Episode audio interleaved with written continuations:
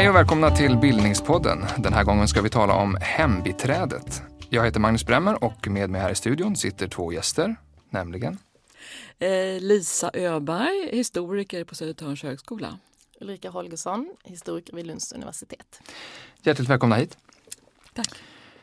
Många är nog bekanta med det här ämnet från tv-serier som eh, Downton Abbey. Hur vanligt var det med hembiträden? Hembiträden har varit jättevanligt hur långt tillbaka i historien som helst. Men sådana miljöer som Downton Abbey de är ju väldigt ovanliga och har varit ännu mer ovanliga i Sverige än vad de är i Storbritannien. Hur har det sett ut i Sverige? I Sverige kan man väl säga att normalsituationen har väl varit att det finns en piga som är mellan 15 och 30 år ungefär i bondesamhället. Och hon kommer sen i sin tur att gifta sig, få barn och säkert ha en egen piga. Så det är den självägande bondeklassen i Sverige. De har haft det så och då har pigan varit en ålderskategori och en tjänarkategori. Hur menar du då? Jag menar så här att det varit helt normalt att man när man är kanske 12-15 år för en flicka så flyttar hon till ett annat hushåll, jobbar där, lär sig allt om det hushållet.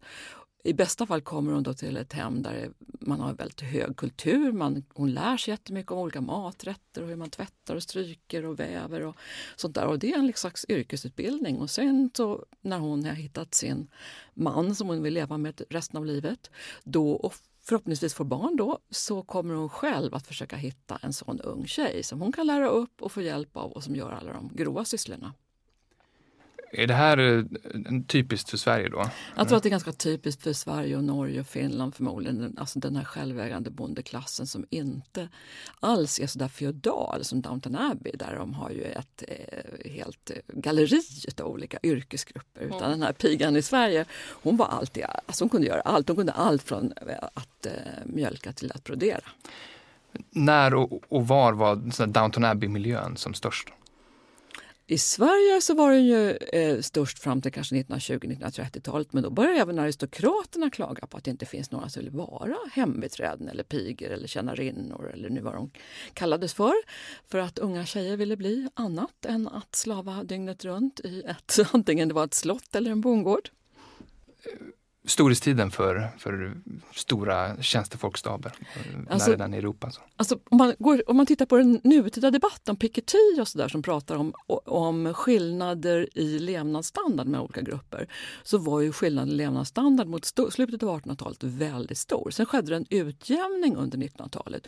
Nu är vi tillbaka till att mm. klassklyftorna ökar igen. Så vad vet jag, det kanske kommer att komma heltidsanställda hembiträden igen fast de kanske heter något annat. Mm. Men hur lång historia har hembiträdelsen som yrkeskategori? Vi tror att de fanns från början när ja. historien börjar gry någonstans i flodkulturerna. Ja, I slavsamhällena, i ja. antiken. Och, ja. Alltså det har ju i stort sett alltid funnits. Mm. I princip så är det ju.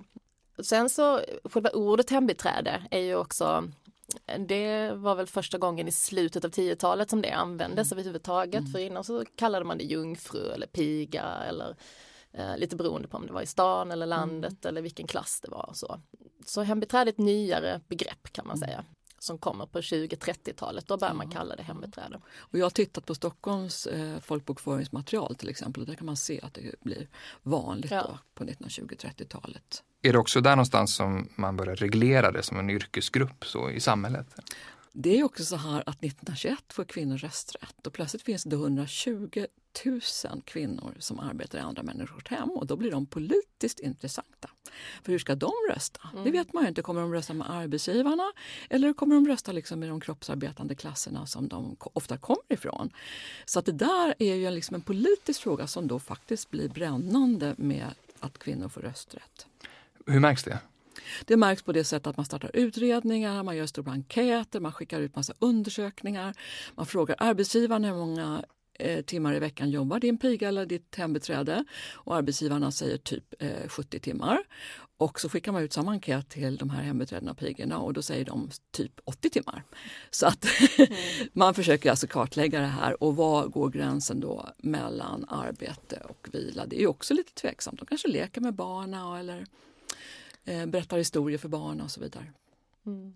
Men man kan väl säga också att det var en ganska stor kamp att det skulle utredas också. Mm. Så det är ju eh, att det skulle överhuvudtaget bli en hembiträdesutredning som ju kom 33. Mm. Det var ju mm. Gustav Möller som var chef för Socialstyrelsen då som gjorde det. Det var också en, en en omtvistad fråga därför att det lades ju ett par motioner i början av 30-talet från Socialdemokraterna att man skulle börja reglera hembiträdenas rättigheter på arbetsmarknaden eftersom de var den gruppen som inte hade fått reglerade arbetstider när många mm. andra grupper, till exempel i restaurang och hotell, närliggande grupper hade ju fått åtta timmars arbetsdag. Mm.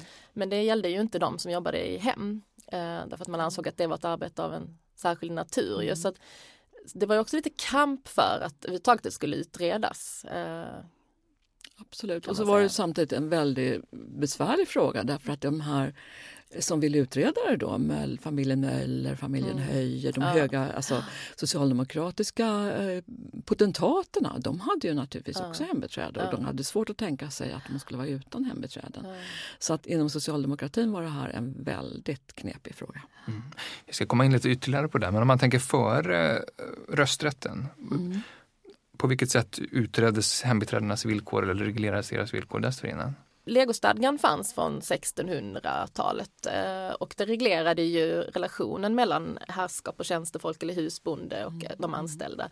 Det var ju så i Sverige att man fick inte lov att gå omkring och driva dank liksom, eller slå dank utan man, man var tvungen att ta ett arbete och visa att man kunde försörja sig och om du blev tagen eh, liksom, av eh, någon myndighet ute utan att visa papper på att du hade en anställning så kunde du ju bli tagen för lösdriveri. Mm. Eh, så att det här var ju, eh, det var ju helt enkelt så att det var en slags tvång också att mm. tjäna om man inte hade något annat att göra så att säga. Mm. Eh, och detta tvånget avskaffades på 1880-talet mm. eller så. Men själva den här lagstiftningen eh, tjänstejonstadgan, mm. den fanns väl kvar till mitten av 20-talet. Mm. Innan det. Och då kom det en ny arbetstidslagstiftning för alla grupper eh, på arbetsmarknaden då egentligen utom de som var anställda i husligt arbete i hem. De undantogs från den här andra lagstiftningen som gällde andra grupper på arbetsmarknaden. Just för att man hade det här problemet att man, man hade ett behov av dem på ett annat sätt. Eh, man behövde ha dem anställda på kvällar eh, och på helger och, och eh, tidpunkter då, då andra kunde gå hem. Så det blev ju mm. mer en, en, man var lite kvar i det gamla tänkandet. Det blev ett omodernt mm. sätt att reglera arbete för just de kategorierna. Mm. Så hembiträdeslagen, vad tillför den då? Från legostadgan? Den tillför en helt annan typ av reglering. Alltså det är en fritidslag. Så det är egentligen det det handlar om. att Istället för att man ska då säga att ni ska jobba åtta timmar om dagen, 48 timmar i veckan, någonting sånt där, så säger man att ni ska få ledigt varannan söndag eller åtminstone på eftermiddagen på söndagar, varenda onsdag kväll och så vidare. Och då kan man då jämföra det med legostadgan som, som var mycket mer obestämd. Men däremot så hade den någonting som var försvann, nämligen en semestervecka. För att enligt legostadgan så fanns det något som hette Mikkelsmäss och slankveckan där man kunde lämna sitt jobb på mm. hösten för att söka sig ett nytt jobb. Och då for alla unga killar och tjejer omkring för att leta på ett ny arbetsgivare. Det blev inte så mycket semester då. det är kanske inte så mycket semester. Men man hade en veckas ledighet. Men man hade, i alla fall, man hade liksom en helt annan typ av reglering. Med, med hembiträdeslagen så kommer alltså en strikt reglering hur mycket ledighet det här hembiträdet ska ha och om det är sommar eller vinter eller lanthushåll och vad som ska ingå till exempel om husbondefolket är sjuka, om barnen är sjuka och sånt där. Mm. En ganska intrikat politisk fråga också. Mm. Vilka, vilka är med och debatterar den här frågan eh, på 30-talet? Det är ju socialdemokratin som har då regeringsmakten. Så att det handlar ju om socialdemokratin, fackföreningsrörelsen men naturligtvis de borgerliga mm. Eh, politikerna som är emot det här. Och det är också ett annat förbund som man inte pratar alls om idag som heter Husmodersförbundet. Så husmödrarna var också organiserade och det är klart att de ville ju då att hembiträdena skulle vara tillgängliga så mycket som möjligt. Men det för fanns... husmodern var arbetsgivaren? Hon var arbetsgivaren. Va? Det är... Ja fast ändå inte. För att, eller, hon vill, alltså, det var ju så att hembiträdena de organiserade sig, tänker jag. Mm. Um, så um, hade de ju bildat, de bildade ju en slags fackföreningar. Mm. Men problemet var ju att husmödrarna inte ville ställa upp som en jämbördig arbetsgivare mot part mm. så att de kunde teckna Precis. avtal. Det var det som hela den här problematiken egentligen rörde sig mm. kring ju. Mm. Att man inte betraktade egentligen hembiträdena som arbetare på samma sätt. Man, man erkände inte dem som arbetare på det sättet som man erkände industriarbetare eller så. Var det här något som hembiträdena själva protesterade mot? Ja visst gjorde de det. Och där är det som Lisa säger med socialdemokratin att, att de här uh, Signe Höjer och andra de behövde ju gå på politiska möten på kvällarna. Och Signe Höjer va? Ja, Signe Höjer var ju gift med Axel Höjer. Uh, som då, de var ju socialdemokrater och väldigt viktiga sociala förkämpar vid den här tiden. Men de, Socialläkare var ja. han och hon var väldigt socialt verksam och de var såna här just förgrundsgestalter som mm. du säger i socialdemokratin. Ja, och, och um, det, till exempel var det en stor eh, debatt i DN och Svenskan eh, i slutet av 30-talet i samband med att, att utredningen kom, eller betänkandena mm. kom ju. Och då var det många eh, husmödrar och eh, jag tror även att det var möjligen eh, Möllers fru som skrev där om att man, man diskuterade den så kallade sjustängningen. Vad innebär det? Det innebar att hembiträdena skulle få sluta klockan sju på kvällen. Mm. Men det ansågs ju vara ett problem för om de skulle sköta disken efter att man hade haft middag på kvällen mm. så skulle de inte hinna det och det skulle inte liksom ja, husmödrarna behöva göra själv. Mm. Eller om husmödrarna ville gå på bio eller gå på ett politiskt möte på kvällen så var det åtminstone tvunget att det var någon hemma, höll mm. koll på barnen, vaktade mm. telefonen. Så man hade ju en ganska märklig syn på ägandet av andra människors tid. Mm eh, som vi idag skulle vara väldigt främmande inför. Det är inte mm. tal om det idag när vi har, talar om att vi ska ha människor anställda i hemmet utan eh, då handlar det om att människor bor på egna eh, ställen och, och, verkligen mm. kan komma och gå eh, som ett mer riktigt arbete. Mm. Men det var det inte, det var mer det gamla bondesamhällets mm patriarkala struktur, att man skulle bo på sin arbetsplats och då mm. blev det ju aldrig någon riktig gräns egentligen mellan privatliv mm. eller fritid och mm. arbete. Mm. Och det var ju det de klagade på hembiträdena också. Mm. Vilka var de starkaste försvararna för hembiträdena kontra husmödrarna i den här debatten? Alltså hembiträdena var ju organiserade och sen 1904 hade de bildat föreningar och det är klart att de försökte att försvara sig men ärligt talat hade de ingen vidare stöd av fackföreningsrörelsen som ju negligerade dem eller var ganska ointresserade utav den här frågan. Så Varför de hade då, ju egentligen inget stöd. Jag tror att det är så paradoxalt med socialdemokratin. De vill ha hembiträden samtidigt så vill de att de ska ha rättigheter. Det där är svårt att lösa. Men sen tror jag också, alltså, det har ju historiker som Claes Åmark till exempel visat att det finns ju en väldigt strikt maktordning i svenska fackföreningsrörelsen. Alltså, mm. Svenska arbetare är viktigare än utländska arbetare manliga arbetare är viktigare än kvinnliga arbetare. Eh, de som arbetar i industrin är viktigast av alla. Mm.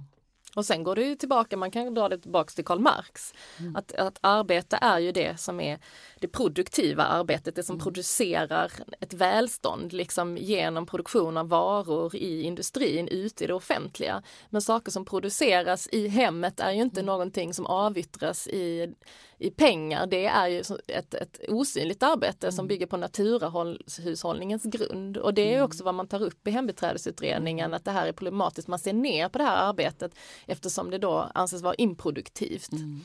Eh, och det har ju varit ett jättestort problem därför att Socialdemokraterna har inte kunnat, och det har inte kvinnorörelsen heller, liksom, det har varit en stötesten för dem också, mm. hur man ska värdera det husliga arbetet. Mm. Utöver att vara organiserade, vilken annan typ av gemenskap hade hembiträden som yrkesgrupp? Så? I och med att den här hembiträdeslagen reglerade någonting som säkert hade varit standard länge, länge, nämligen att onsdag kvällarna var lediga så var det en tid när de träffades. Och de gick också ut och dansade och roade sig och det var känt som piglördagen, alltså onsdagskvällen mm. var piglördagen. Så att det är klart att de träffades på det sättet, på alla möjliga sätt. Sen fanns det också under en kort period en liten tidning som heter Tjänarinnebladet i Stockholm till exempel. Vilken så betydelse hade Jag den? tror inte att de, de där tidningarna hade så stor betydelse utåt men det är klart att det hade en jättestor betydelse inåt. Att man alltså kunde få skriva ner lite grann om sina erfarenheter, läsa om kanske duktiga yrkessystrar som verkligen kunde formulera. sig. det är väldigt stärkande. För att, att få en röst i skrift, det tror jag nästan var det viktigaste, att kunna se att vi också kan formulera oss i tryckt skrift. Mm. Men sen kan man väl också säga att eh, i och med att, och det var ju ett stort problem, det, det var ju också därför som facket så lite grann med skepsis på den här gruppen, det var att de var så isolerade från varandra, mm. att de var i olika hushåll och så långt ifrån alla var ju fackligt organiserade heller utan eh, och de ansågs ju då vara lite politiskt instabila. Eh, mm. De kunde, I och med att de bodde i hemmet mm. så skulle de gärna vara en del av familjen ibland och, och tog kanske arbetsgivarnas parti tänkte man och så. Så att mm. man litar ju inte heller riktigt på dem som en politisk kraft. Det var inte så lätt för dem heller eftersom de fick eh, ja, de, gränsen mellan det privata och arbetet var ju mm. lite luddig och eh, man blev, hamnade i någon form av eh, ofrihet eller mm. tacksamhetsskuld eftersom man bodde på sin arbetsplats och då var det inte så lätt att heller att vara politisk. Det kanske inte ens arbetsgivare gillade, då kanske man fick sluta. Liksom. Mm. Samtidigt så ser vi på den här bilden här att de demonstrerar i första maj-tåget. Mm. För... Lisa håller nu upp boken Kvinnor mot kvinnor mm. på Norstedts förlag. Där... Kom ut, utkom när? 99. Eh, 99, mm. precis. Eh, den boken har som omslag då en bild från första maj-demonstration med kvinnor som demonstrerar, hembiträden som demonstrerar för åtta timmars dagens tillämpning även för hembiträden. För det var ju deras krav. Så det var ju ändå ganska modigt att göra det för Absolut. förmodligen var deras arbetsgivare inte med på noterna där. Nej, nej. Så samtidigt som man, yrkesgruppen kämpar för en röst i samhället så är samtidigt hembiträdet ganska synligt i populärkulturen. Du har mm. forskat om det här. Ja, alltså det uppstod kan man säga en, något av en genre i spelfilmen eh, som jag kallar hembiträdesfilmer. Men det började med en film som heter Vi som går köksvägen av Gustav Molander med Tutta Rolf som då slog igenom och blev, hon var den största stjärnan i början av 30-talet i Sverige. Mycket, mycket stor filmstjärna som syntes överallt i tidningar och veckotidningar och så. Och hon spelade där en, en eh, modern medelklasskvinna som eh, tog tjänst som hembiträde under falsk flagg, alltså hon låtsades att hon var en enkel flicka. Och det här blev en sån jättesuccéfilm. Den sågs av över en miljon människor. Jag tror 300 mm. 000 bara i Stockholm. Vilket år hade den premiär? 32. Mm. Och, och, då kom ju filmmakarna på att det här var liksom ett bra koncept. Eh, så att sen gjordes det många andra filmer med liknande tema där hembiträdet fick en huvudroll i filmen. Och, och, då ska man också komma ihåg att, att titta på film på den här tiden, eller gå på bio, var ju en jättestor grej. Alltså det fanns ju inte tv, det fanns radio, men det var ett relativt billigt nöje. Det var liksom en klasslös praktik. Det var människor från alla samhällsgrupper som gick på bio och vi pratar om att man gick kanske i snitt två gånger i veckan. Idag går man ju två, i snitt två gånger om året på bio eller någonting sånt, så det är en jättestor skillnad. Mm. Det var verkligen någonting som var en del av människors mm. vardag. Hur framställdes hembiträdena generellt i de här filmerna? Finns, fanns det stereotypa karaktärer. Så. Jo men folk tror ju ofta och när, idag så till och med i den här eh, pigdebatten som har varit på, på um, ehm, 90-talet i Sverige så har man hänvisat till de här pilsnerfilmerna att då var det ju sån mm. överklass och, och, och liksom eh, punchdrickande eh, överklassmän som pratade till små snärtor och små pigor och sådär. Men så är det inte om man tittar på de här filmerna. Så dels så är det inte alls bara stereotyper, huvudrollerna är sällan stereotyper, de är mera typer. Men framförallt är det ganska starka kvinnor som säger ifrån och som, som vill uppvärdera bilden av pigan som ju är väldigt, att vara piga, att bara vara en piga, det är någonting negativt för den här tiden. Och det, där kan man se i de här filmerna att det handlar dels om att uppvärdera pigan eh, som en yrkeskategori. Eh, och dels så handlar det också om att de här pigorna i och med att de kommer in i överklassen så kan de ju få en inblick. De går mellan överklassgränserna så de kan liksom förhandla olika värden i samhället eh, på alla möjliga plan. Eh, mm. så ofta så handlar det om att de i intrigen liksom medlar mellan olika principer, olika klasser och, och står för vissa samhällsideal som också då är viktiga i folkhemmet. Eh, det här är perioden när folkhemmet liksom bryter igenom. Vilket hembiträde är det? Är det unga hembiträdet eller är det trotjänarinnan? Vilka är det som är det, alla åldrar? Ja men det är både och alltså. Um, man kan ta Tutta Rolf spelar ju då det yngre, den moderna. Liksom. Hon spelar också en senare roll där hon är en söderböna i en film som heter Sara lär sig folkvett från 1937. Mm. Då hon är en söderböna som är en, i en överklassfamilj så då är hon en, en, en enkel flicka. Och då är hon liksom den moderna kvinnan lite grann med den moderna liksom, synen på sexualitet och kvinnan, den starka kvinnan som ingår i någon slags könskamp med mannen. Sen finns det ju mer trotjänarinna-typen då, det är ju Dagmar Ebbesen till exempel, som ju var en fenomenalt populär skådespelare, otroligt populär i breda folkliga lager i Sverige. Och hon gjorde ju den rollen redan på, i en teaterpjäs som hette Hemslavinnor på 20-talet som blev en sån enorm succé. Den gick 500 föreställningar och blev rätt snabbt stumfilm. Och sen gjordes den i en version 1933 och en version 1942 och sen ytterligare så kom den rollen som hon spelade där i olika, hon hette Kristin eller Christiana. Hon, kom med, hon är också som biroll i olika filmer då där hon bara dyker upp och det sista exemplet är till och med ända in på 50-talet, 54 är hon med i en film där hon spelar det här. Liksom. Så det blev en kulturell figur som människor kände igen och kunde knyta an till. Liksom. I, i, I, en serie som Downton Abbey så är just klassresan ganska känsligt mm. ämne, sådär, mm. återkommande ja. äh, tjänstefolk som har gift sig med någon ja. medelklass. Äh, finns det också med i de här filmerna? Ja, det finns också, till exempel i en film som heter Britta i grosshandlarhuset äh, som kom 45 eh, som byggde, många av de här bygger ju också på förlag och så det var en, en bok som hette Britta i grosshandlarhuset, en trilogi av en författare som heter Harald Beijer och det, den sålde ju många, många, många ex. Eh, och det handlar just om en flicka från landet som tar tjänst i ett grosshandlarhus och blir, eh, gifter sig med eh, sonen i huset. Och då handlar det ju också om förhandlingar kring hur en, en allians över klasserna kan se ut vid den här tiden vad är det som de, överklassen, har att lära av underklassen? Mm. Vilka ideal behöver de ta med sig in i det nya samhället? Finns det ännu mer av ett klassuppror i det där än vad eh, det kanske finns i den brittiska kontexten? Så. Nej, det är rätt, eh, jag skulle säga att det är ganska typiskt svenskt att det ska mm. bli någon slags konsensusallians av det. det blir, alltså ingen av de här filmerna kan bli riktigt politiska därför att de ska de ska också kunna ses av husmödrar. Mm. Så att man måste ta, man måste ta in alla intressen i mm. de här filmerna. Så fungerar ju filmen, spelfilmen, att den, den har lite för alla kategorier. Titlarna är inte överdrivet publikfriande kanske, men hur, hur, hur populära var de här filmerna?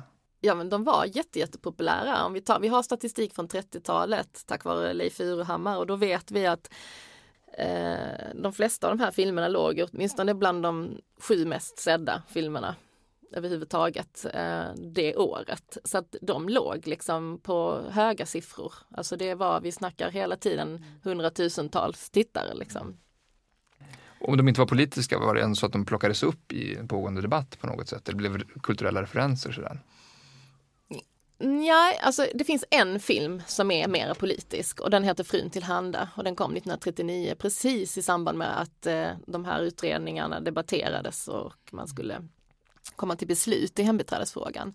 Och den den var ju känslig just för att den refererade explicit till hembiträdesutredningen och handlade om en eh, borgerlig kvinna eller en student vid Stockholms universitet faktiskt, som eh, i sociologi, som tog tjänst i ett hem för att vallraffa och ta reda på hembiträdenas villkor. Och eh, då tar hon ju upp via henne hur hon blir, blir behandlad så tar man upp ämnen som också aktualiseras i hembiträdesutredningen och det är ju sånt som arbetstiden, eh, sexuella trakasserier, eh, rätten att ha ett eget rum på sin arbetsplats, eh, det här med wallraffande som piga verkar vara återkommande i filmerna. Mm. Ja, Esta Blenda Nordström gjorde ju detta redan 1914 eh, när hon eh, gjorde en, eh, en journalist, en journalist mm. på den tiden eh, som gjorde ett reportage eh, för Svenska Dagbladet Eh, där hon tog tjänst ute på en bondgård eh, under eh, ja, falsk identitet. Och sen så skrev hon eh, väldigt inträngande avslöjande reportage om hur hon hade blivit behandlad där och det blev en jättedebatt om det. Och den här boken såldes i enorma upplagor. Och den har faktiskt också gjorts i nytryck nu så man kan köpa den igen. Eh, och sen gjordes den som film, stumfilm. Så att redan där fanns ju det här med wallraffande. Men det ligger också i hela teaterhistorien kan man säga att, att det här att byta roller, att, att som överklasskvinna gå in och ta pigans roll eller till och med vice versa. Det har funnits, det fanns som ett tema och det fanns i lustspel på teatern och så. Och det var ju också det man lyfte in då i spelfilmen på 30-talet. Så det ligger liksom i själva dramaturgin, det som gör hembiträdet spännande. Mm. Det är just att hon kan spegla samhället genom att hon kan röra sig mellan gränser och spionera på dem från den andra klassen. Och man kan också genom att visa att en piga kan göra en fiktiv klassresa och ta en roll och spela en, en, eh, överklasskvinna gör ju också att man sätter det i spel. Vad är klass egentligen? Kan det, är det något som är skrivet in i, i det naturliga eller är det, är det egentligen någonting som bara är en konstruktion, någonting vi kan ändra på? Är det bara en slump var vi föds eller så, så det sätter i spel en massa saker som är viktigt att tänka på. Och i ett samhälle då som håller på att röra sig mot mer demokratisering så kan det vara ett sätt att tänka eh, kring vilka vi är och vart vi vill komma och så. Hur inflytelserik blev den här hembiträdeslagen framåt? Den blev inte alls särskilt inflytelserik för att det så var den otroligt trubbig. Det fanns mycket undantag, det var väldigt svårt för hembiträden att hävda det här. Hur skulle man göra då om man tyckte att man hade fått jobba en hel natt eh, och det inte tillhörde eh, det som var tillåtet? Hur skulle man gå tillväga då? Så det, det var verkligen inte eh, någon särskilt kraftfull lag. Och sen var det så här att den var ett provisorium. Så vart tredje år så tog riksdagen ett nytt beslut om att förlänga den här lagen som var ett provisorium. Därför det var en anomali, det var ett undantag mot alla andra lagar. Här var det en fritidslag och inte en arbetstidslag. Den hade inte åtta timmars dag som de allra flesta hade eller så småningom fick. Så det var verkligen en udda företeelse i hela arbetstidslagstiftningen. Och 1971 avskaffades den och då mm. fanns det nästan inga hembiträden kvar. Mm. Så man kan säga att åtta timmarsdagen infördes 1971 för hembiträden som då var urgamla och mycket få. Ja, och det, det viktiga är verkligen att säga att, att, att man gjorde det till en fritidslag var ju ett sätt att komma runt att eh, se till att det fortfarande var långa arbetsdagar. Så det kunde ju fortsätta att vara så att man hade en, mm. ja men en 70 timmars mm. vecka var väl inte ovanligt. ovanligt nej. nej. Så det var ju därför som också som folk slutade. Det var mm. ingen som ville bli hembiträde. Det blev väldiga debatter om bristen på hembiträden. När är det i tiden ungefär? Ja, det, det börjar ju redan egentligen på 30-talet. Mm. Eh, att man talar om en epidemisk flykt från yrket pratar man om redan 31. Mm. mm. Och det är ju också, där har ju arbetarrörelsen ett intresse av att man vill ju att, att eh, de här unga kvinnorna ska vara kvar inom hembiträdesyrket så att de inte konkurrerar om industrijobben. Så där är också ett incitament där att, mm. att eh, förbättra deras villkor genom att kanske se till att det blir utbildning, att det blir lite professionaliserat och så att det höjer statusen på yrket. Man börjar hembiträdesskolor och det ska bli ett yrke och bara ordet som sagt är ju liksom en yrkesbeteckning. Alltså det finns mm. apoteksbeträde och sjukvårdsbeträde mm. och så kan man vara hembiträde. Så att det är liksom en professionalisering som man försöker sig på. N när öppnar första utbildningen för hembiträde? Ja, på 30-talet öppnar den och då handlar det ju då om uniform, en viss eh, kunskapsbas, en viss professionalitet. Så att det där är ju en annan väg. Men det som händer sen det är ju som sagt att flickorna vill inte bli hembiträden men sen kommer ju andra världskriget och då kommer också mycket unga tjejer ifrån Tyskland som inte har något jobb i Tyskland. Tyskland ligger i ruiner och de tar tåget norrut och börjar jobba i Sverige. Och då blir det ju igen intressant alltså för hur ska man reglera det här. Då, Men de tas emot med öppna armar kan man säga av alla i Sverige för att nu kommer en temporär lösning på den här hembiträdesproblematiken. Mm. Att inga eh, vill bli och att eh, många hem ropar efter ett hembiträde. Det finns ju också en bok om det, en avhandling som heter Det städade folkhemmet va? av Emma Strollo eh, vid mm. Linköpings mm. universitet där hon alltså har intervjuat de här kvinnorna för de lever ju fortfarande, många mm. av dem. Men var den typen av arbetskraftsinvandring för hembiträden ovanlig eller har den skett tidigare i historien? Det är en jättevanlig sak. Alltså svenska flickor och speciellt ifrån Skåne, Halland, Blekinge, Småland jobbade väldigt mycket i Köpenhamn på 1800-talet. Mm. Det var den danska huspigen, hon var svenska. Mm. Eh, så det här är otroligt vanligt och nu är det otroligt mycket filippinskor som arbetar till mm. exempel mm. i Mellanöstern. Och det finns något som ibland kallas för the nanny chain, alltså att många också blir barnflickor, kanske lämnar sina egna barn i sitt eget land i ett fosterhem och sen så åker man vidare och jobbar i ett rikare land och skickar hem pengar. Eh, så att det där är en sak som kanske är större än någonsin mm. idag. Mm liknar eh, våra diskussioner om eh, rutavdrag för hushållsnära tjänster och sånt tidigare debatter under 1900-talet? Mm, ja, det gör väl det i den meningen att man vill reglera någonting som har varit oreglerat. Man vill gärna få upp det här till ytan för man ser att svartarbete och informella arbetsrelationer är väldigt problematiska i ett någorlunda välordnat samhälle. Så på det sättet så liknar ju det den tidigare debatten kring hemträdeslagen. Mm. Men den är ju ändå ganska annorlunda och också ganska unik tycks den vara. Alltså rutavdraget tycks vara ganska unikt för Sverige. Ulrika, du nämnde pigdebatten på 90-talet tidigare. Mm. Eh, Lisa, kan du säga något mer om den? Ja, den uppkom eh, som tror jag är en väldigt obekväm fråga för många partier. Alltså, plötsligt så säger då en moderat riksdagsman, som jag tror det var Ann-Marie Paulsson, att vi ska ha ett avdrag så att vi kan ha hembiträden, hemhjälp, barnflickor eller vad det nu handlar om billigare. Och den där politiska frågan blir väldigt stor under 90-talet. Och då är det också ganska mycket polska unga kvinnor som har kommit till Sverige och arbetar. Så det är också liksom väldigt politiskt aktuellt efter järnridåns fall att många kommer hit och vill arbeta i hem. Eh, men ska man då få ett avdrag för det, det blir en väldigt stor stötesten för alla partier faktiskt, kanske utom Moderaterna som var för hela tiden. Och så småningom så blev det ju också ett rutavdrag och det där tog väl ungefär en 15 år av politiska debatter och det kallades då för pigdebatten det blir ju en ganska komplex jämställdhetspolitisk fråga också mellan husmodern och eh, hembiträdet. Hur, hur yttrar den sig i tiden? Den yttrar sig på olika sätt i olika tider. På 1990-talet till exempel när feminismen blir ganska stark, det kommer en eh, tidning som heter Bang.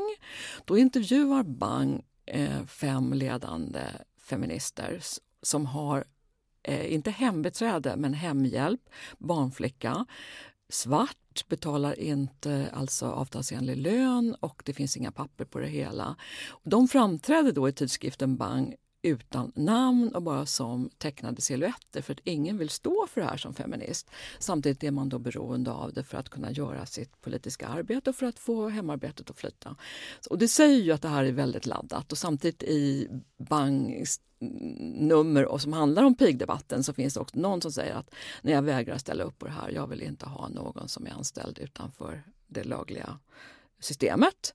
Och jag vill att om jag har någon anställd så ska det vara fullt eh, legalt och enligt arbetstidslagstiftning och löneavtal. Så det där är en väldigt laddad fråga alltså under, vad ska jag säga, hela 80, 90, 00-talet på 2000-talet.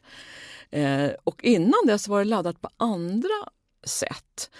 Därför att flera av de ledande borgerliga och socialdemokratiska kvinnorna som, verk, som hade hembiträden, de ville också stödja hembiträdenas kamp. Alltså det fanns en, en vilja också hos feminister att hjälpa dem som nu jobbade i enskilda hem. Och det kunde man göra det genom att vara med och starta det här tjänarinnebladet, genom att hjälpa till med föreningsbildandet, genom att se till att de fick gå på sina möten och så vidare. Va? Så det finns ju också en, det är en väldigt dubbelhet i det här hela tiden. Man vill både utnyttja, om man ser det som klass, de här unga tjejerna som det var mest då, som kunde komma och jobba hårt i ens eget hem. Men man förstod ju också att det här har vi ett samhällsproblem så att vi måste hjälpa dem också. Men det är framförallt socialdemokratin som försvarar husmodern då? Det är socialdemokratin och borgerliga kvinnor, jag tror inte man kan se det så. Och de intellektuella kvinnorna är ju alltid beroende av det här. För de få kvinnor då som var författare, bildkonstnärer, eh, journalister så var ju hembiträdet ett måste om de skulle kunna ha familj. Mm. Och jag menar sådana som Bang som var en väldigt känd journalist och som hade barn som reste utomlands, gjorde krigsreportage. de skulle inte kunna komma till om det inte fanns någon där hemma som ställde upp. Barbro Alvling, ska vi säga, journalist som har gett namn till tidningen också. Mm, precis. Mm. Ja, alltså det här är ju en otroligt komplex fråga och jag, man ska väl säga så här också att ett problem har väl varit just det här att man inte har erkänt dem som en, en grupp. Um, för om man tar den här pigdebatten som var på 90-talet så talade man ju väldigt negativt egentligen om den här kategorin. Alltså att vi vill inte ha några pigor som man, så som man kunde se i 30-talets pilsnerfilmer. Mm. Vi vill inte ha mm. tillbaka det samhället. De blev väldigt mycket en, en symbol för klassamhället. Mm. Men det var ju väldigt paradoxalt eftersom man själv inte hade stöttat dem i deras rättighetskamp. Mm. Så hade man gjort det, hade man liksom gett dem bättre villkor mm. så hade de kanske funnits kvar som en kategori. Det fanns ju också en, en debatt på 70-talet när eh, husmödrar eller hemmafruar eller det kvinnliga hemarbetet debatterades mm. och man ville uppvärdera det.